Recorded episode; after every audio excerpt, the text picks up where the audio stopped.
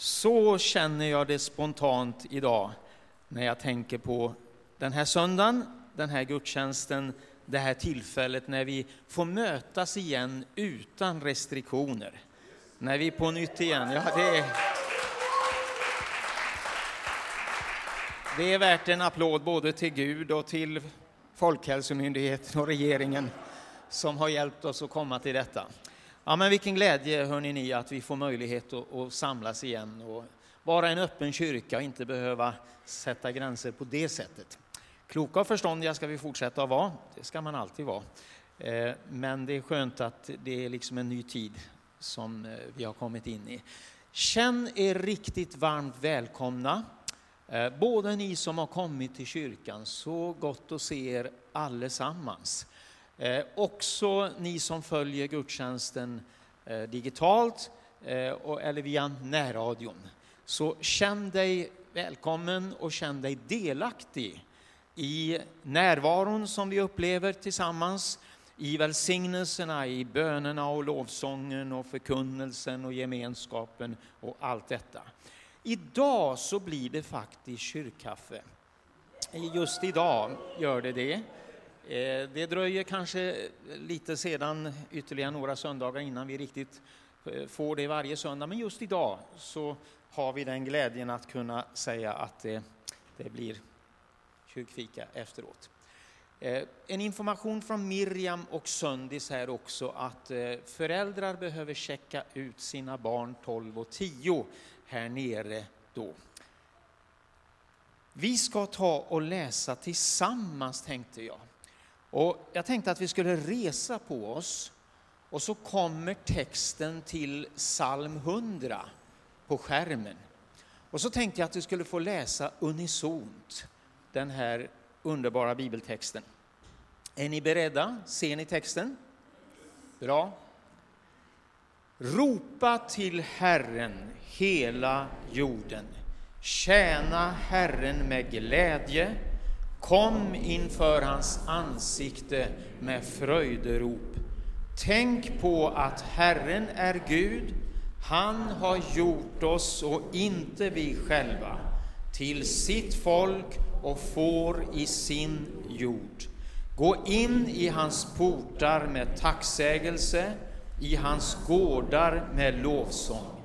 Tacka honom, lova hans namn, för Herren är god, Evig är hans nåd, från släkte till släkte varar hans trofasthet.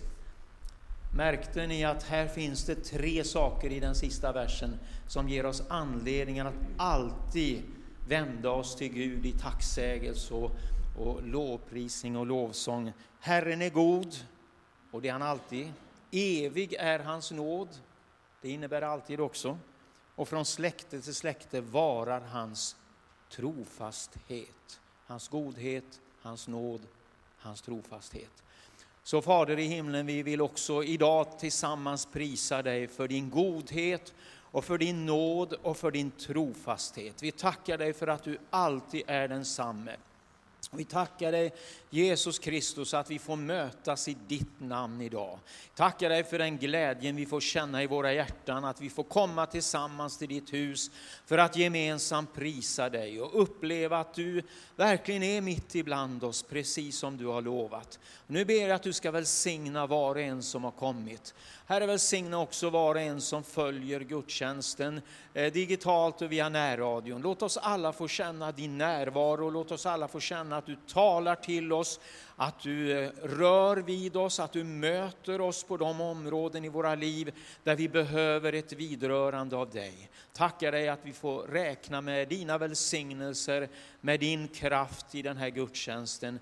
Tack för att du vill möta och röra vid oss alla i Jesu Kristi namn. Amen. Amen. Och idag så är det ju Emma och Frank Forsberg som eh, är på plats och sjunger och spelar och tar med oss på det sättet. Vill ni att vi ska sitta eller stå? Stå gärna kvar. Ja.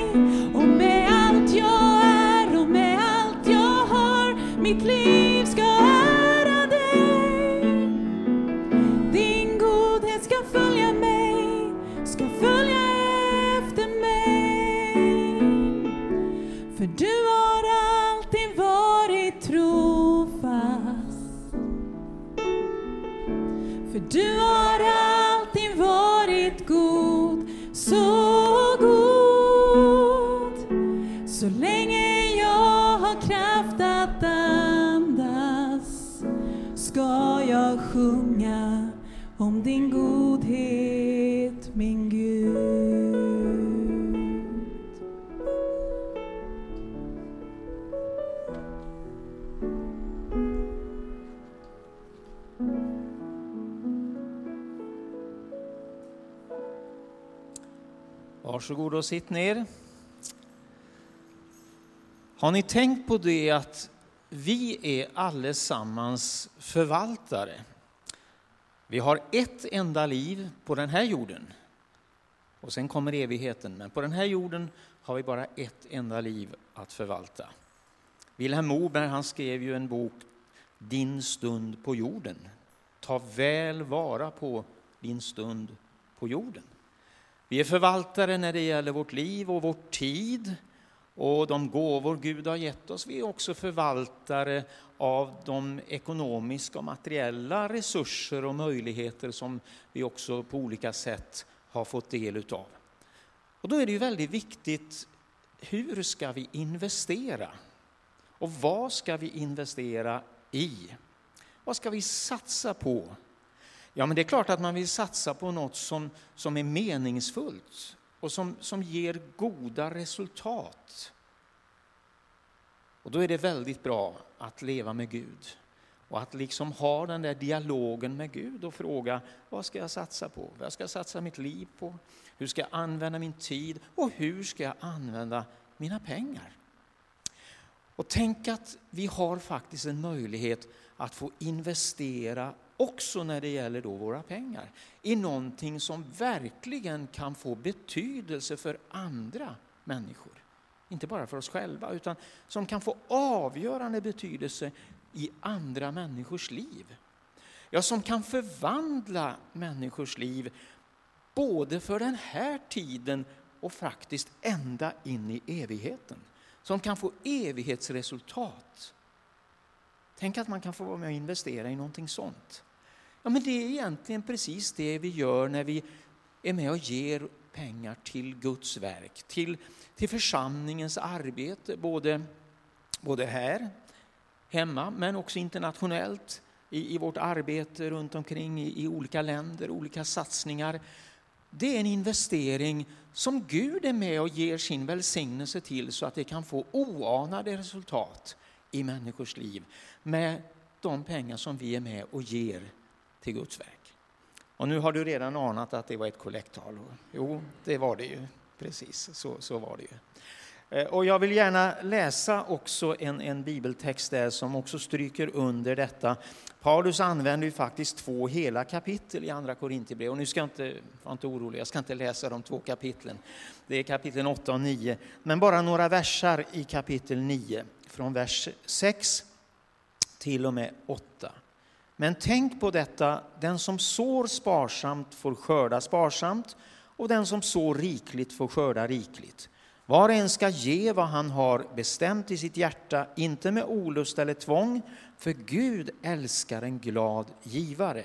Och Gud har makt att ge er all nåd i överflöd så att ni alltid och i allt har nog av allt och kan ge i överflöd till varje gott verk.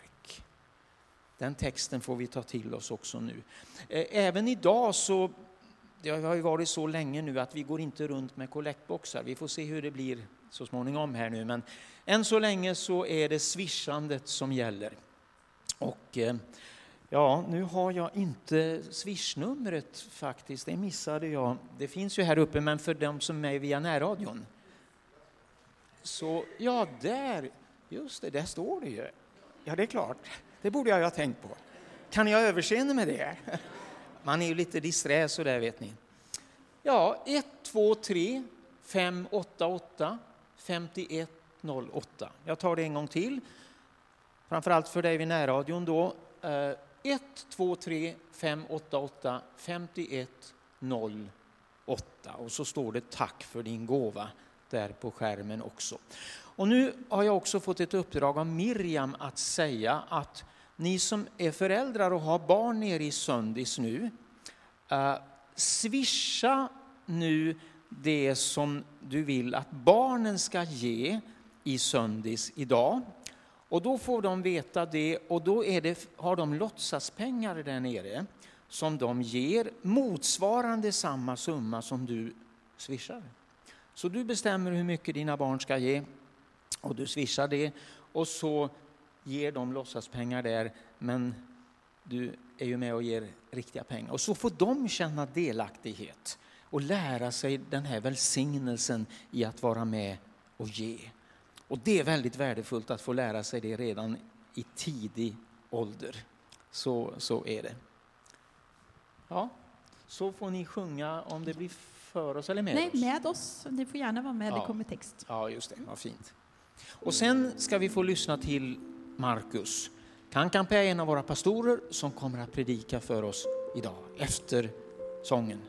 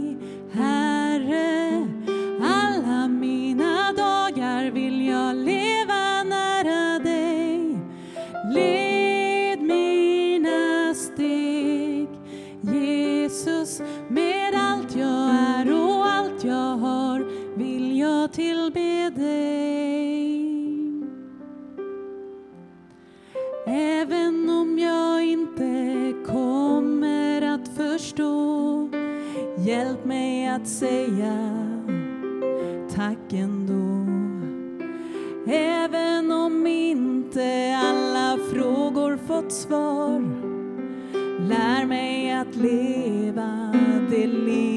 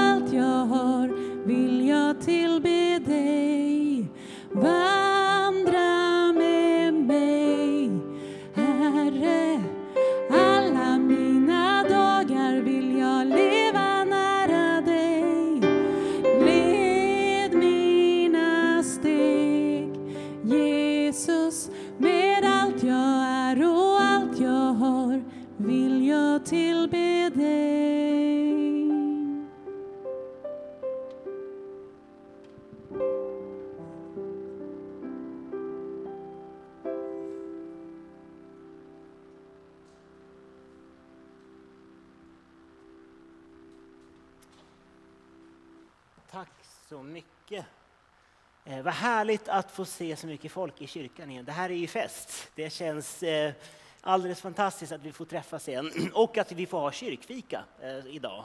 Det är ju extra festligt. Det har vi gått och väntat på allihopa. Eh, men jättekul att, att se var och en av er. Det här känns eh, underbart att vi kan få vara tillsammans igen. Bibeln eh, den berättar ju om flera tillfällen där Jesus möter olika typer av människor. Och eh, när jag läser de här berättelserna så fascineras jag över Jesu förmåga att möta och kommunicera med människor från alla möjliga olika bakgrunder. Eh, det är högutbildade, lågutbildade, det är fiskare, det är skatteindrivare, prostituerade, skeptiker, kritiker, judar, samarier, romare, ja, you name it. Eh, Jesus har en förmåga att, att möta vem som helst. Och eh, han lyckas alltid att liksom, i varje möte få till ett, eh, eller att lyckas möta varje person på ett individuellt sätt utifrån personens omständigheter och behov. Och det tycker jag är ganska häftigt. Och eh, då tänker jag så här, nu när vi kan träffas igen, eller inte bara nu när vi kan träffas, men alltid när vi samlas så kommer vi från olika håll och kanter. Vi har olika saker i bagaget. Vi bär alla på olika saker i våra liv. Och eh, det är omöjligt att anordna en, en gudstjänst där allt i gudstjänsten, sång och musik, predikan, alla inslag, ja, vad det nu kan vara, att allt tilltalar varje enskild individ. Det är fullständigt omöjligt. Men det vi tror, det är ju att Jesus är här genom sin heliga Ande. Här i kyrkan och också hemma hos dig som följer den här eh, gudstjänsten. Och att han vill och kan möta var och en av oss utifrån vår personliga livssituation. Och att han känner dig. Han vet vad du går, i, går igenom. Han vet exakt vad du behöver och han vill möta dig där du är idag. Här idag, men också mitt i vår vardag. Vi eh, är mitt inne i en serie i Johannes evangeliet där vi gör instick i olika delar eh, eh, av Johannes evangelium där Jesus möter olika typer av människor. Och eh, idag så skulle jag vilja lyfta en text som du kanske är bekant med, men jag skulle vilja titta på den här texten från en lite annan vinkel än vi brukar göra i vanliga fall. Och jag har bett Rickard komma och läsa texten. Du kan få en mick från Roine. Rickard är ju eh, student på ALT, pastorsutbildningen, och gör sin praktik här i kyrkan eh, med oss. Och det är vi jätteglada för. Vi läser från eh, Johannes evangeliet kapitel 5, vers 1 och 9. Det dyker också upp här på skärmen. Yes. Sedan kom en av judarnas högtider och Jesus gick upp till Jerusalem. Vid fårporten i Jerusalem finns en damm som på hebreiska kallas Betesda. Den har fem pelargångar och i dem låg många sjuka, blinda, halta och lama. Där fanns en man som hade varit sjuk i 38 år. Jesus såg honom ligga där och visste att han hade varit sjuk så länge och han frågade honom, vill du bli frisk? Den sjuke svarade, Herre, jag har ingen som hjälper mig ner i dammen när vattnet börjar svalla. Och när jag försöker ta mig dit själv hinner någon annan före mig. Jesus sa till honom, Res dig, ta din bädd och gå. Genast blev mannen frisk, och han tog sin bädd och gick. Tack så mycket. Ehm, en kort berättelse. Jesus är i Jerusalem under en av judarnas högtider och eh, så träffar han den här mannen som varit sjuk i 38 år vid den här poolen, eller den här dammen som kallades Betesda. Och eh, det här är en damm, eller egentligen två poler som satt ihop i varandra. Den finns utgrävd i, i Jerusalem. Eh, den var 20 meter djup, 50 meter bred och 150 meter lång. Så en megapool helt enkelt. Och eh, lite då och då så fylldes den här poolen på av underjordiska källor. Och man trodde att om man när det här sker liksom tar sig ner i vattnet när det här inträffar, men då blir man helad. Så mycket folk är samlade och då har vi bland annat den här mannen som varit sjuk länge och han har ju aldrig lyckats ta sig ner i vattnet. Men så möter han Jesus en vacker dag och han får vara med om ett livsförvandlande möte. Hans liv förvandlas och han blir helad. Och eh, det här är ju fantastiskt. Men jag tänker så här, vi lämnar den här mannen för nu. Och istället så skulle jag vilja zooma in på resten av de sjuka som faktiskt blev kvar vid poolen. För när jag läste den här texten så slogs jag av tanken, ja men, vad hände med alla andra? Det stod i vers 3 att Jesus, eller att det, att det vid poolen låg många. Han, Jesus skulle ju kunna ha helat alla, även om det inte står i texten. Men jag tänker det är mycket möjligt att eh, det bara var en person som fick uppleva ett mirakel. Ja, men vad hände med alla andra, så de här stackarna som blev kvar vid poolen? Och den här frågan, när jag började fundera på det väckte en annan tanke i mig. Ehm, och det var, ja men vad hände med alla andra sjuka som Jesus faktiskt mötte under sin treåriga tjänst, som inte blev helade? För Jesus mötte ju en väldig massa människor och alla fick inte ta del av ett mirakel. Sen började jag fundera vidare på det här och på Jesu egna liv och jag slog tanken att ja, men inte Jesus själv heller hade erfarenheten av att mirakel alltid sker. För kvällen innan han avrättas så kan vi läsa om hur han ligger och våndas och, eh, i Getsemane trädgård utanför Jerusalems murar. Och i djup ångest och förtvivlan så ropar han ut eh, till Gud allt är möjligt för dig, ta den här bägaren från mig. Alltså med andra ord, Gud, gör ett mirakel, jag vill inte gå igenom det här. Men Gud svarar inte som Jesus ville. Miraklet, det uteblev. Ja, men kan mirakel ske? Ja, men självklart. Eh, vi har ju, det tror vi. Kan, eh, ska vi be för att mirakel sker, för att sjuka blir friska och Gud gör under? Absolut. Gud griper in i våra liv. Bibeln är full av exempel av det och vi bär säkert på personliga erfarenheter av det också när Gud gör det som mänskligt sett tycks omöjligt. Men vad gör vi när det här inte sker? Vad gör vi när vi likt personerna i texten blir kvar vid poolen medan vår vän får ett mirakel? När miraklet, trots våra böner och våra förhoppningar, uteblir. När vännen vi bad för kanske går bort. När eh, bönen jag bett i åratal inte tycks bli besvarad. När ångesten inte vill släppa. När hälsan sviktar. När det känns som att Gud är miljontals ljusår bort. Vad gör vi när miraklet uteblir? Jag skulle vilja stanna kvar vid de här frågeställningarna den här morgonen. Och nu kanske du tänker, tänker nej men åh vilken deprimerande predikan. Alltså vi har slagit upp dörrarna till kyrkan, är, vi ska ha fika till och med och nu pratar du om det här. Ja men håll den tanken eh, en stund. För jag tänker så här att, eh, att eh, Eh, eller dit jag vill komma, det är att den kristna tron den hjälper oss mer än någonting annat att faktiskt navigera genom livet även när miraklet uteblir. Så jag tänker det här är ett otroligt hoppfullt budskap. För det innebär att vad du och jag än går igenom idag så finns det kraft, det finns styrka, det finns tröst tillgänglig för oss idag och i dagar som kommer. Och det jag skulle vilja göra idag, eller försöka göra, är att komma, föreslå tre saker som jag tror kan bli en källa till hopp för dig och mig när vi upplever att miraklet uteblir.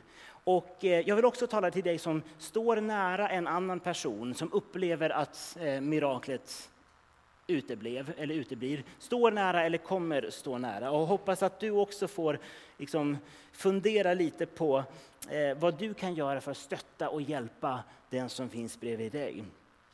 Och det här är ett tema som man skulle kunna skriva böcker om, men det har man gjort. Eh, och det är hur stort som helst. Så idag tänker jag vi skrapar lite på ytan på ett jättetema. Eh, men vi gör ändå ett försök. Så tre saker som kan vara en källa till tröst för dig och mig när miraklet uteblir. Det första tänker jag är att vi kan få acceptera att eh, vi inte vet varför. Så acceptera att vi inte vet varför. Jag kan tänka mig att de här stackarna eh, som blev kvar vid Betesda-dammen efter att Jesus har gjort sitt mirakel och den här mannen vandrar iväg tänker, ja men varför han? Varför inte jag? Och när, när något händer oss, då är ett av de vanligaste frågorna som vi ställer oss, det är just frågan varför. Varför blev det så här? Varför just jag? Varför blev det inte som jag hade tänkt mig? Varför svarar Gud inte på min bön? Eller varför lät Gud det här ske? Och jag tänker Det här är naturliga frågor som vi ställer oss ibland. Och eh, jag tänker också att det är en del av den process som vi måste gå igenom eh, när vi hamnar i en svår situation eller kris i livet. Men till slut tänker jag ändå att vi får landa i att eh, vi faktiskt, eller att det faktiskt inte finns ett svar på frågan varför. Jag menar, vi förstår inte ens alltid varandra. Hur skulle vi då kunna förstå universums eh, skapare eh, och varför han trots sin allmakt ibland tillåter vissa saker att ske? Det var, eh, ska vi se, det var en, en person som sa en gång att en sjuåring kan inte ifrågasätta en fysiker i världsklass. Trots det ifrågasätter vi Gud som ligger bakom hela universum. Jag tänker det är ganska, ganska bra sagt. Det står så här i Jesajas bok kapitel 55, vers 8 och 9. Mina tankar är inte era tankar och era vägar är inte mina vägar, säger Herren. Nej, liksom himlen är högre än jorden, så är mina vägar högre än era vägar och mina tankar högre än era tankar. Ni kommer kanske ihåg personen ur Gamla testamentet, Jobb. Mannen som blev av med i princip allting. Hans barn, hans boskap dog. I princip allt som han hade, det bara togs ifrån honom. Och när Jobb mår som sämst, då kommer hans tre vänner på besök för att muntra upp honom. Och vad gör de? Jo, de försöker hitta svaret på frågan varför. Och de har alla sina teorier och ju mer de spekulerar och kommer med förslag till just varför det här har inträffat i jobb, desto sämre mår han. Eh, och eh, det som är intressant är att i slutet av berättelsen så tillrättavisar och kritiserar Gud Jobs vänner för att de har kommit med de här förenklade svaren. Och då tänker jag så här, när du och jag när vi möter en människa som upplevt att miraklet uteblir eller uteblev, låt oss inte falla i samma dike som Jobs vänner. Att komma med massa kristna klyschor eller bara slänga bibelverser i ansiktet på något eller komma med fraser som ja men det kunde vara värre, försök att se det på den ljusa sidan. Eller ja, vad det nu än kan vara, ni förstår vad jag menar. Eh, förenklade svar på frågan varför, det gör bara lidandet värre. När en person mår som sämst, då är det här det sista man behöver. Ja, men vad ska vi göra då? Ja, men Jobs vänner, om vi läser berättelsen, de gjorde faktiskt någonting bra. Eh, för det berättas att när de kom till Jobb, då höll de tyst i sju dagar. Det var det första de gjorde. De var tyst och de bara sörjde tillsammans med Jobb. De var där för honom. De delade hans sorg, hans förtvivlan. Men så fort de öppnade munnen, det var då det gick åt skogen. Jag tänker så här, det bästa vi kan göra för en människa som upplever att miraklet uteblev, det är att vara empatiskt närvarande. Empati det handlar ju om att försöka förstå den andres känslomässiga situation. Och jag menar, vi kan aldrig förstå varandra helt och vi ska inte ens säga att vi gör det, för det kan vi inte. Men vi kan göra vårt bästa. Och jag tänker empati i sin tur, det föder ju omtanke, det föder omsorg och det föder handling. Och eh, empatisk närvaro tänker jag, det kan se ut på flera olika sätt. Det behöver inte nödvändigtvis vara fysisk närvaro. Det kan vara det också om personen vill att vi är där. Men jag tänker vi kan vara empatiskt närvarande genom att, eh, på flera olika sätt. Vi kan skicka ett sms, ett telefonsamtal. Vi kan vara empatiskt närvarande genom att skicka ett blombud. Att, genom att räcka över en lagad middag. Alltså på något sätt försöka visa att men vi finns där och vi bryr oss om personen eh, på riktigt. Att försöka förstå och vara närvarande. Och sån här kultur vill vi odla i vår församling. Och det börjar inte med grannen, eh, utan det börjar med mig själv. Och frågan, vad kan jag göra för att vara empatiskt närvarande för dem som finns i min omgivning? Hur kan jag vara med och odla en sån kultur här i vår kyrka? Och när jag själv då upplever att miraklet uteblir, tänker jag efter att vi har liksom brottats med den här frågan varför, får landa i att ja, men vi kan, eh, vi, får, vi får landa i att, vi, att, att vår tro på en, en god Gud, den kan hålla och den kan faktiskt växa även när miraklet uteblir. För tro i Bibeln, det handlar ju om att lita på Gud. Även i stunder när vi faktiskt inte förstår honom. Och det är det, det är, jag tänker det är där tron prövas som mest. Och att i de stunderna bara få säga att nej men Gud, jag förstår verkligen inte varför det blev som, som det blev. Men hjälp mig ändå att, att lita på dig. Hjälp mig att vila i att jag är trygg tillsammans med dig. Och jag tänker att landa här, att till sist liksom bara få känna att nej men, jag behöver inte hitta svaret på frågan varför. Eh, utan jag kan istället bara falla tillbaks i Guds kärleksfulla och omsorgsfulla famn och lita på att ja, men han trots allt är god, han trots allt är kärleksfull och att han dessutom har ett mycket, mycket större perspektiv på mitt liv och på hela tillvaron. Eh, jag tänker det här, eh, det här kan ge, skänka oss tröst och styrka mer än någonting annat. Att, att veta djupt inom mig att jag och mitt liv, jag vilar trygg i Guds hand. En annan källa till hopp för dig och mig, tänker jag, när miraklet uteblir, tror jag, det är att påminna oss själva om att Jesus vandrar bredvid oss. Jag är aldrig ensamma, Jesus vandrar eh, bredvid dig. Jesaja 43, 1 och 3 står det så här. Var inte rädd, för jag har återlöst dig, jag har kallat dig vid namn, du är min. Om du går genom vatten är jag med dig, eller genom strömmar så ska de inte dränka dig. Om du går genom eld ska du inte bli svedd, lågan ska inte bränna dig, för jag är Herren din Gud, Israels helige, din frälsare. Jesus själv har vandrat genom elden. Han har själv upplevt hur det är när miraklet uteblir. Hur det känns att bli besviken.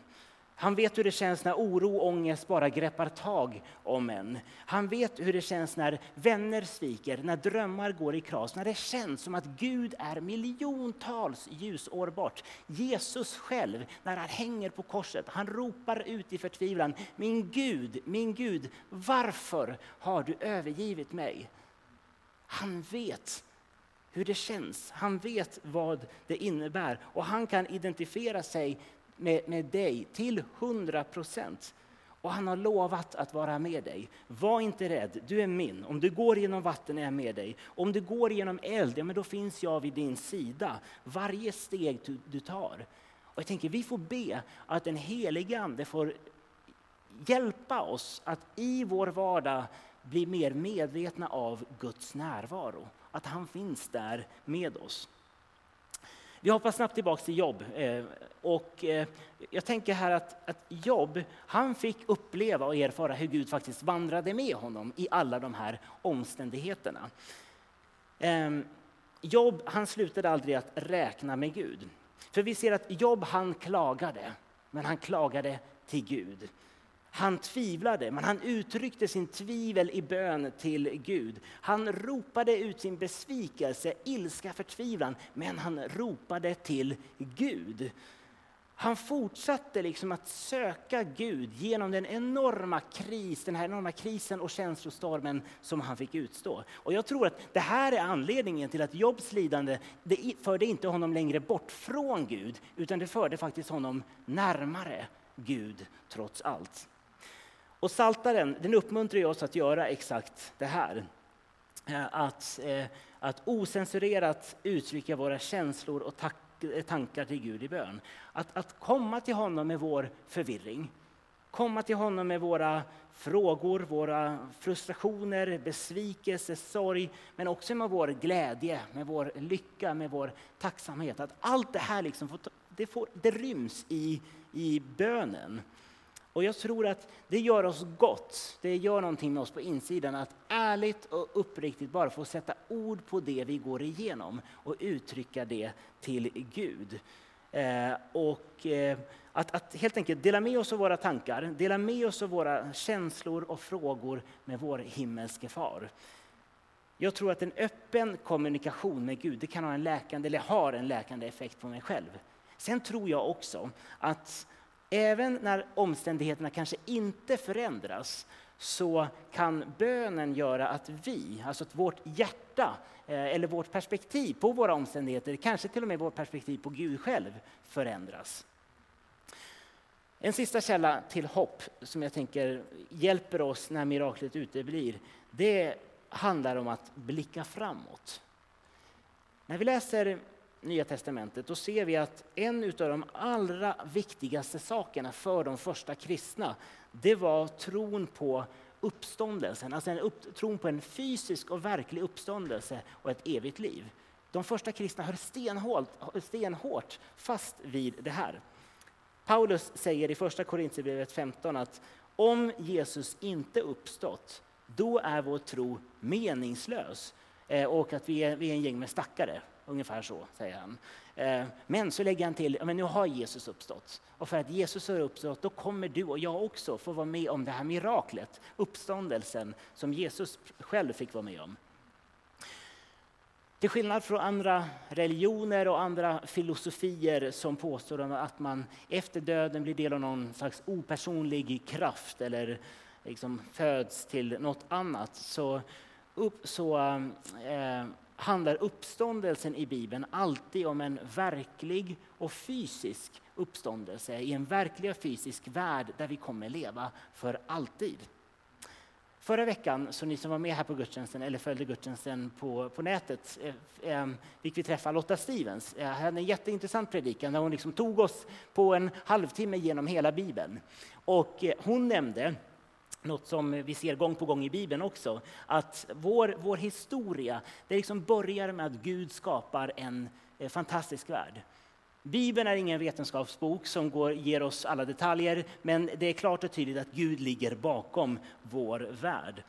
Men på grund av att människan vänder Gud ryggen kommer den här trasigheten in i världen. En trasighet som påverkar var och en av oss, som påverkar hela skapelsen. Eh, men, eh, Eh, och det, och det är där vi lever idag. Alltså vi lever i en värld som inte är perfekt. Och därför tänker jag också att det är otroligt viktigt att vi som kristna har fötterna på jorden och har en realistisk tro, eller en, är, är realistiska över den verklighet som vi lever i. Um, Vi tror att Gud kan göra mirakel och det ska vi be för. Vi tror att Gud kan hela sjuka och det ska vi också be för och förändra omständigheter. Men det sker inte alltid för att vi lever i en värld som är trasig. Det är verkligheten som vi har att förhålla oss till. Ibland uteblir miraklet. Men det kommer en dag när hela skapelsen kommer genomgå en, en total förnyelse.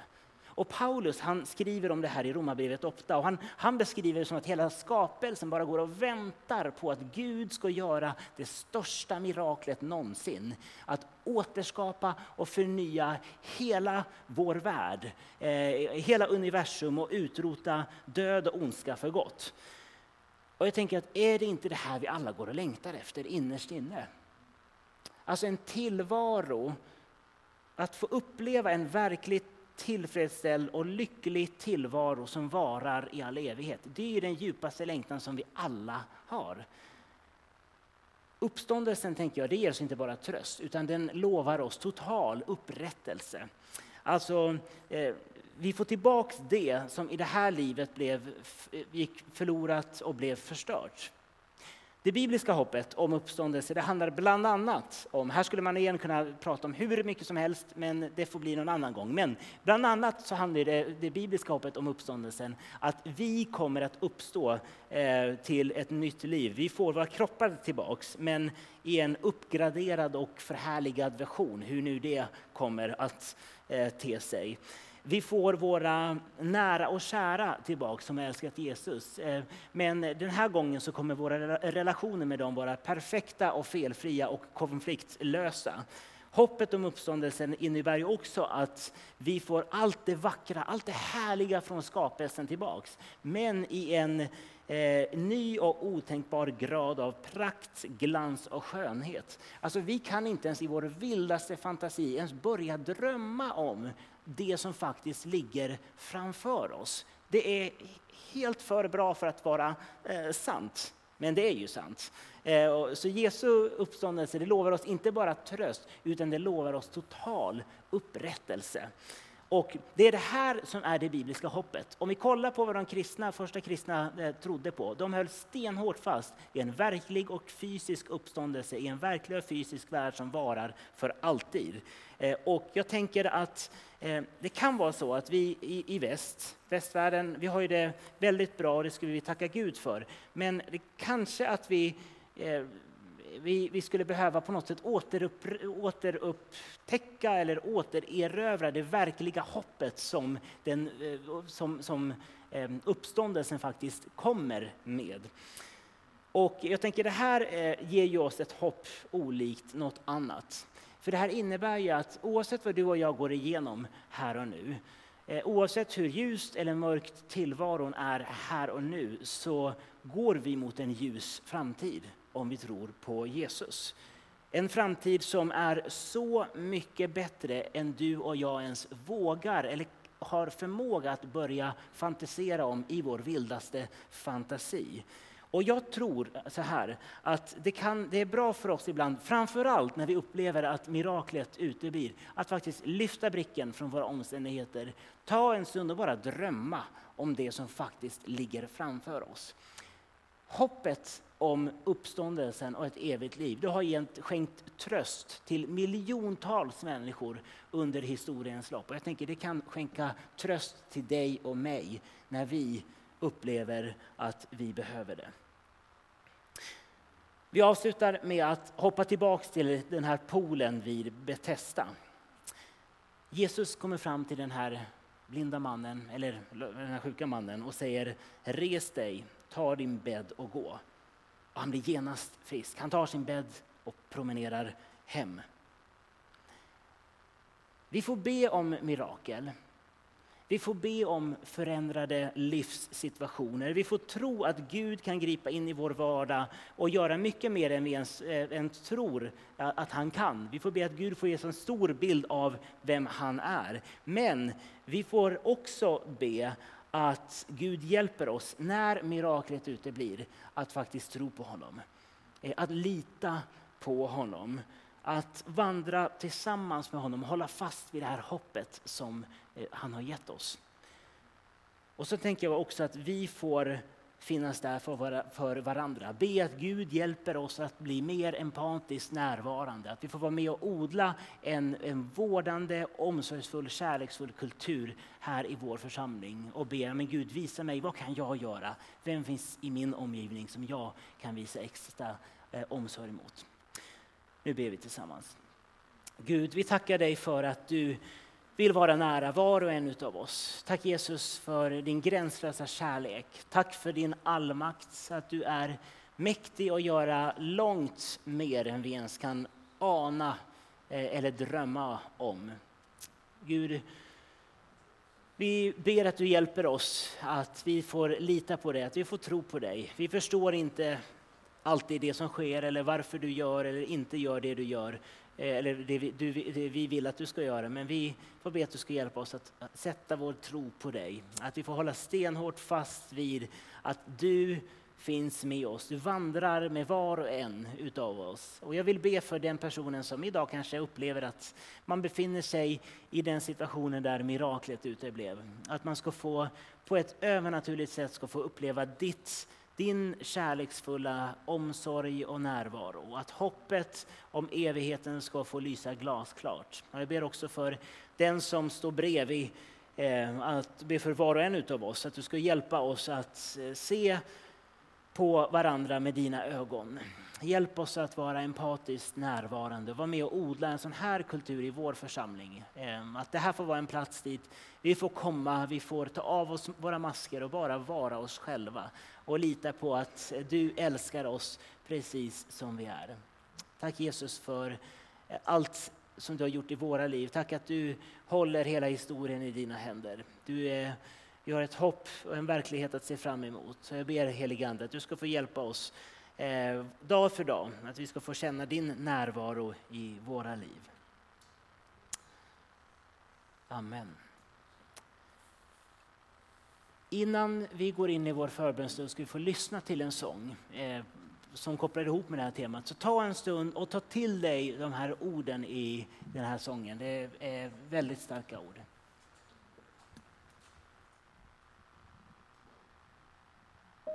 We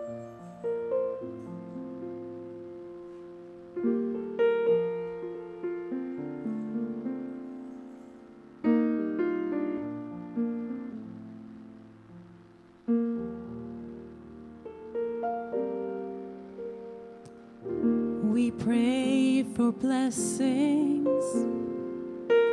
We pray for peace.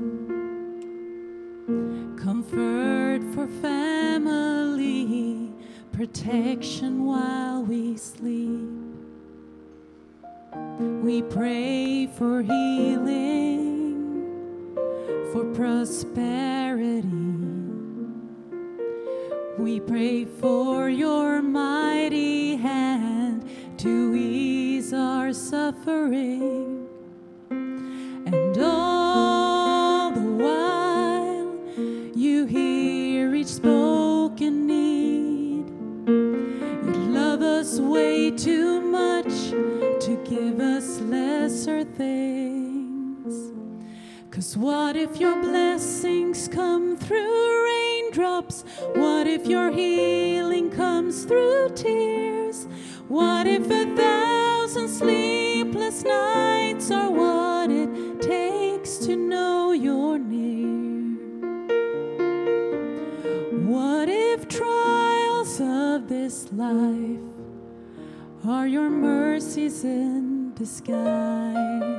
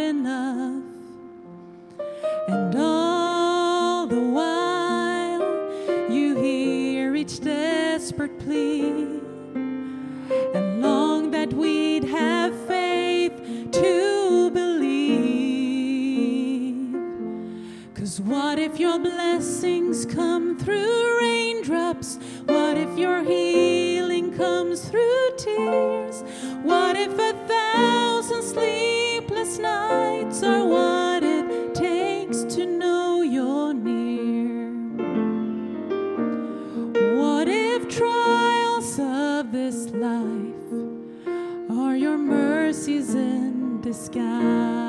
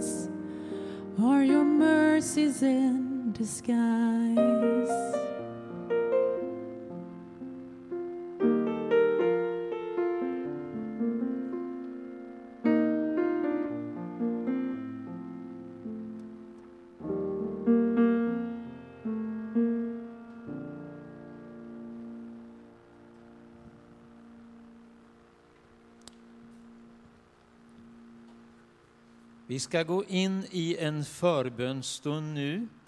Och nu har vi möjlighet igen att öppna upp också. Vi kommer både ha böneplatsen här nere, förbönsplatsen om du vill ha personlig förbön. Och där kommer Dagge, Dag Andersson, eh, att finnas till för dig som vill gå dit och, och få personlig förbön. Och vi har också platsen här framme där du kan skriva ditt böneämne på en lapp Eh, eller ditt tacksägelseämne och på det viset dela vad du har på ditt hjärta. Och vi brukar ju också göra så på tisdagarna i vår morgonbön att vi också tar med de lapparna och ber för de böneämnena och tackar för de tacksägelseämnena som finns där. Så den möjligheten har du. Och du har också möjlighet om du vill eh, gå fram och, och uttrycka din bön och förbön och tacksägelse i form av att du tänder ett ljus där. Så vi har de här olika möjligheterna och framför allt ska vi vara tillsammans inför Herrens ansikte just nu med fortsatt vidöppna hjärtan. Och det kommer att bli flera sånger. Den här var ju helt enorm. Jag har aldrig hört den förut, men vilken sång. Eh, och, och det, det kommer att bli starka sånger nu också där vi bara får sjung gärna med och framförallt sug åt dig budskapet också i, i sångerna. Och eh, sen ska vi också fortsätta och, be tillsammans här. Eh, så vi går in i den förbönen just nu här.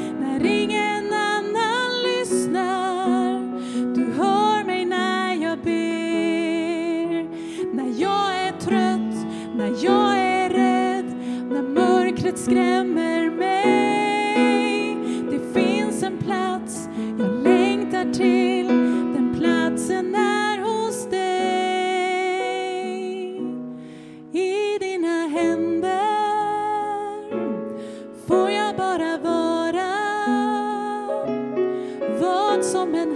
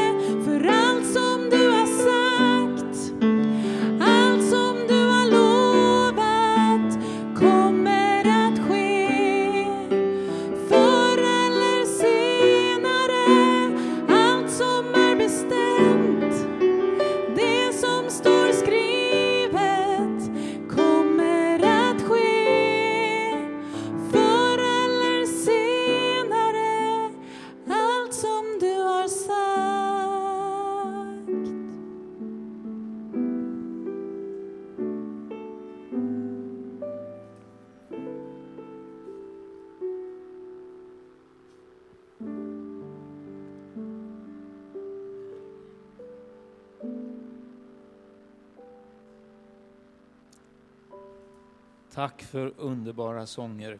Och vi fortsätter en, eh, några minuter till in i förbönsstunden här. Tack Markus för ett starkt budskap som du har gett oss runt svåra frågor som vi alla då och då brottas med.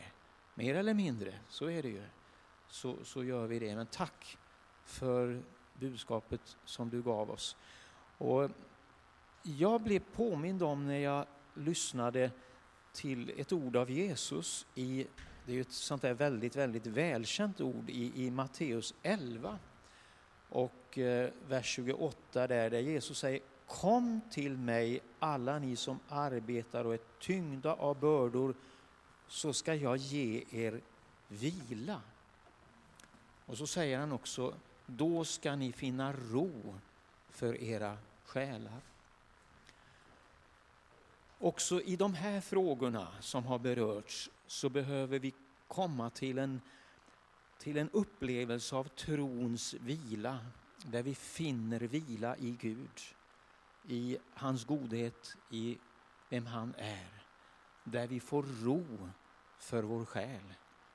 Oavsett om det där undret sker som vi så gärna vill ska ske och som vi ber med tro om, eller om det skulle utebli, så är det så avgörande att vi finner den här vilan i vårt innersta. En trons vila hos Jesus Kristus.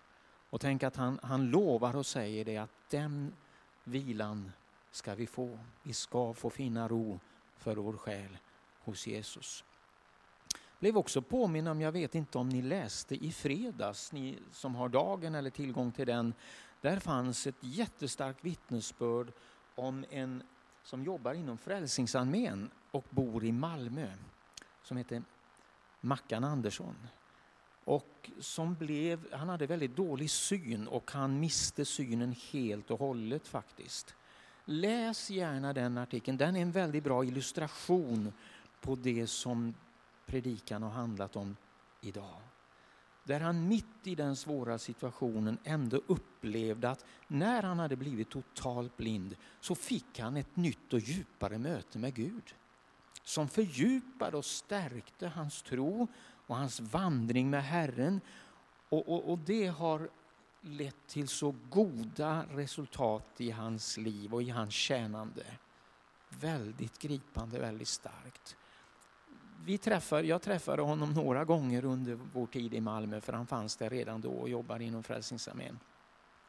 Ett litet tips bara, läs gärna den artikeln. Och ska vi ytterligare be tillsammans och, jag vill också innesluta dig som liksom känner dig extra berörd av den här predikan att det här är ju precis sånt som du har brottats med eller är mitt inne i att brottas med. Och jag vill innesluta dig i, i den förbönen. Det kan gälla folk här i kyrkan, det kan gälla du som följer och tittar, eh, eller närradion, var du än är. Herren ser dig. Men vi ska också eh, ta tag i några gemensamma stora bönämnen också. Tycker vi ska både tacka för och be nu för alla gudstjänster som öppnar upp på det här bredare sättet nu runt i hela vårt land att, att det får bli en särskild välsignad tid över våra gudstjänster nu. Denna vårvinter som ligger framför här nu.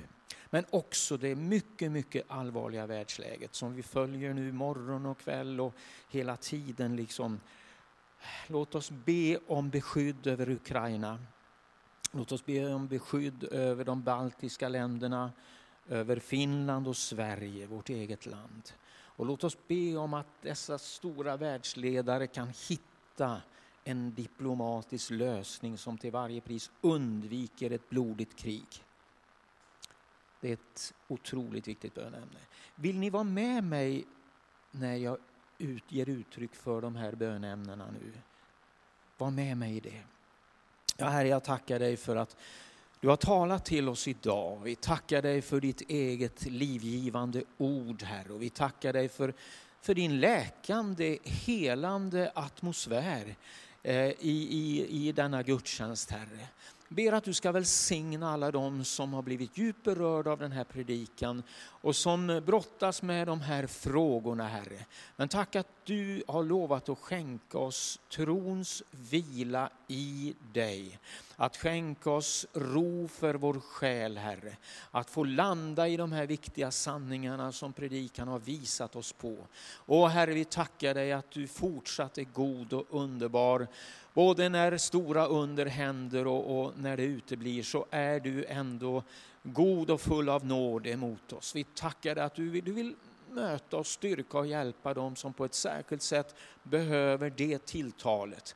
Men Herre, jag tackar att du också mitt i allt detta kan röra vid människor med helande idag, Herre, som, eh, som ber till dig. Tack att du kan låta också under ske. Vi tackar och lovar dig för det. Vi prisar dig för att du verkar genom ditt ord och genom den helige Ande. Och så tackar vi dig för den här gudstjänsten. Vi tackar dig för glädjen att vi får mötas tillsammans. Vi ber för både våra gudstjänster och, och alla gudstjänster runt om i våra kyrkor i vårt land nu när vi har fått öppna upp från och med idag på ett nytt sätt, Herre. Vi tackar dig. Vi ber att du ska vara där med din helige Ande, att vi ska få uppleva extra starkt välsignade gudstjänster där människor får möta dig och där också många nya människor får söka sig till våra kyrkor. Vi ber om det i Jesu namn. Och Herre, så vill vi också lyfta det allvarliga världsläget inför dig.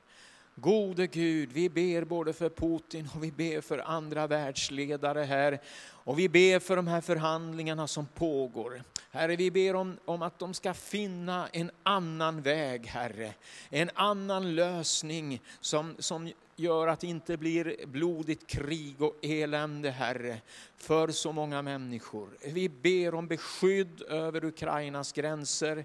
Vi ber om beskydd över de baltiska länderna. Vi ber om beskydd över Finland, beskydd över vårt eget land Sverige, Herre. Vi ber att du ska sända dina änglar runt gränserna och vi ber att du ska komma med dina lösningar på det här mycket svåra läget. Det står ju i ditt ord att du styr kungars hjärtan som vattenbäckar. Och tack att du kan göra det nu också i detta Herre. Så vi ber om nåd, vi ber om förbarmande, vi ber om styrka, vi ber om trygghet i dig Herre i allt detta och dina lösningar. I Jesu Kristi namn. Och möt så också alla andra bönämnen som vi tänker på Herre. Möt dem alla. Vi överlämnar dem alla i dina händer i full förtröstan på att du kan hjälpa i Jesu Kristi namn. Amen. Amen. Ska vi göra lite annorlunda med välsignelsen idag? Att inte bara jag uttalar den utan att vi tillsammans uttalar Herrens välsignelse över varandra. Ehm, och är du osäker på formuleringen så följ bara det jag säger. Så blir det bra. De är ju så underbara de här orden och tänk att det inte bara är vackra ord utan det är en gudomlig verklighet i detta när vi uttalar det över varandra. Så vill ni vara med mig i det? Herren välsigne oss och bevare oss. Herren låter sitt ansikte lysa över oss och vara oss nådig. Och Herren vände sitt ansikte till oss och give oss frid. I Faderns och Sonens och den helige Andes namn. Amen. Amen. Sen är det naturligtvis så, jag har lite kort information bara att, att eh, också när gudstjänsten är slut så, så tror jag att, att Dagge och Markus dröjer kvar kanske lite till och, och det är fortfarande möjlighet att söka förbön där. Några saker som händer i veckan här. På onsdag fortsätter jag min bibelstudieserie om livslångt lärjungaskap och det är del två. Klockan 19 här i kyrkan men sänds också eh, via Youtube. Eh, Sen nästa söndag, då har vi glädjen att lyssna till vår nyaste församlingsledare Monica Winedal, som, eller nygammal kanske vi ska säga, nygammal församlingsledare, som eh, eh, delar Guds ord med oss. På kvällen så har vi också en speciell samling worship.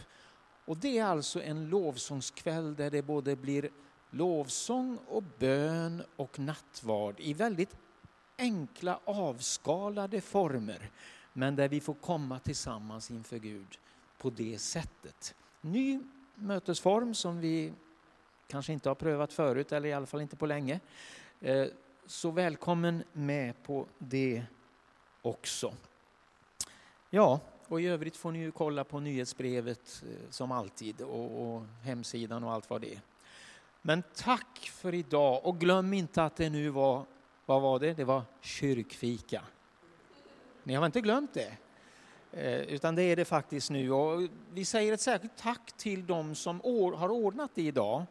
Fantastiskt fint. Jättestort tack från djupet av våra hjärtan att ni har gjort det. Och eh, så får vi glädjas tillsammans också runt detta. Så tack för idag och välkomna i veckan.